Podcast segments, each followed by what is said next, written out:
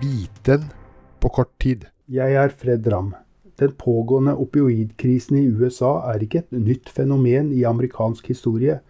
Det gjelder særlig den delen som skyldes forskrivning fra leger av opioider. I det 19. århundre hadde USA en voldsom opioidepidemi med bakgrunn i forskrivning av opioider til veteraner etter borgerkrigen. Men overdosene rammet nesten utelukkende hvite amerikanere.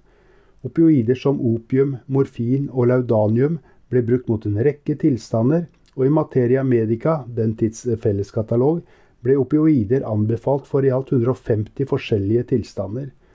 Men det var nesten utelukkende hvite mennesker som fikk disse medisinene, både fordi fargede hadde dårligere tilgang til medisinske tjenester, men også med argumenter som at fargede tålte smerter bedre, og at fargede ikke var i stand til å ta ansvar for egen medisinering med disse preparatene.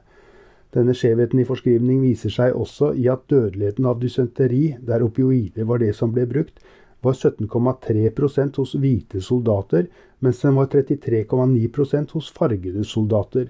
Skjevheten i forskrivning viser seg også i overdosedødsfall som nesten utelukkende rammet hvite.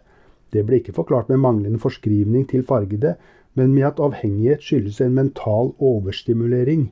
Denne mentale overstimuleringen kunne bare ramme hvite som var intelligente og følsomme, mens fargede hadde for enkle hjerner til at det kunne ramme dem. Også i dag rammer opioidepidemien i hovedsak hvite amerikanere, og Forklaringen er at den fargede befolkningen i mindre grad har tilgang på helsetjenester, og at de heller ikke har råd til å kjøpe medisiner, slik den hvite delen av befolkningen har.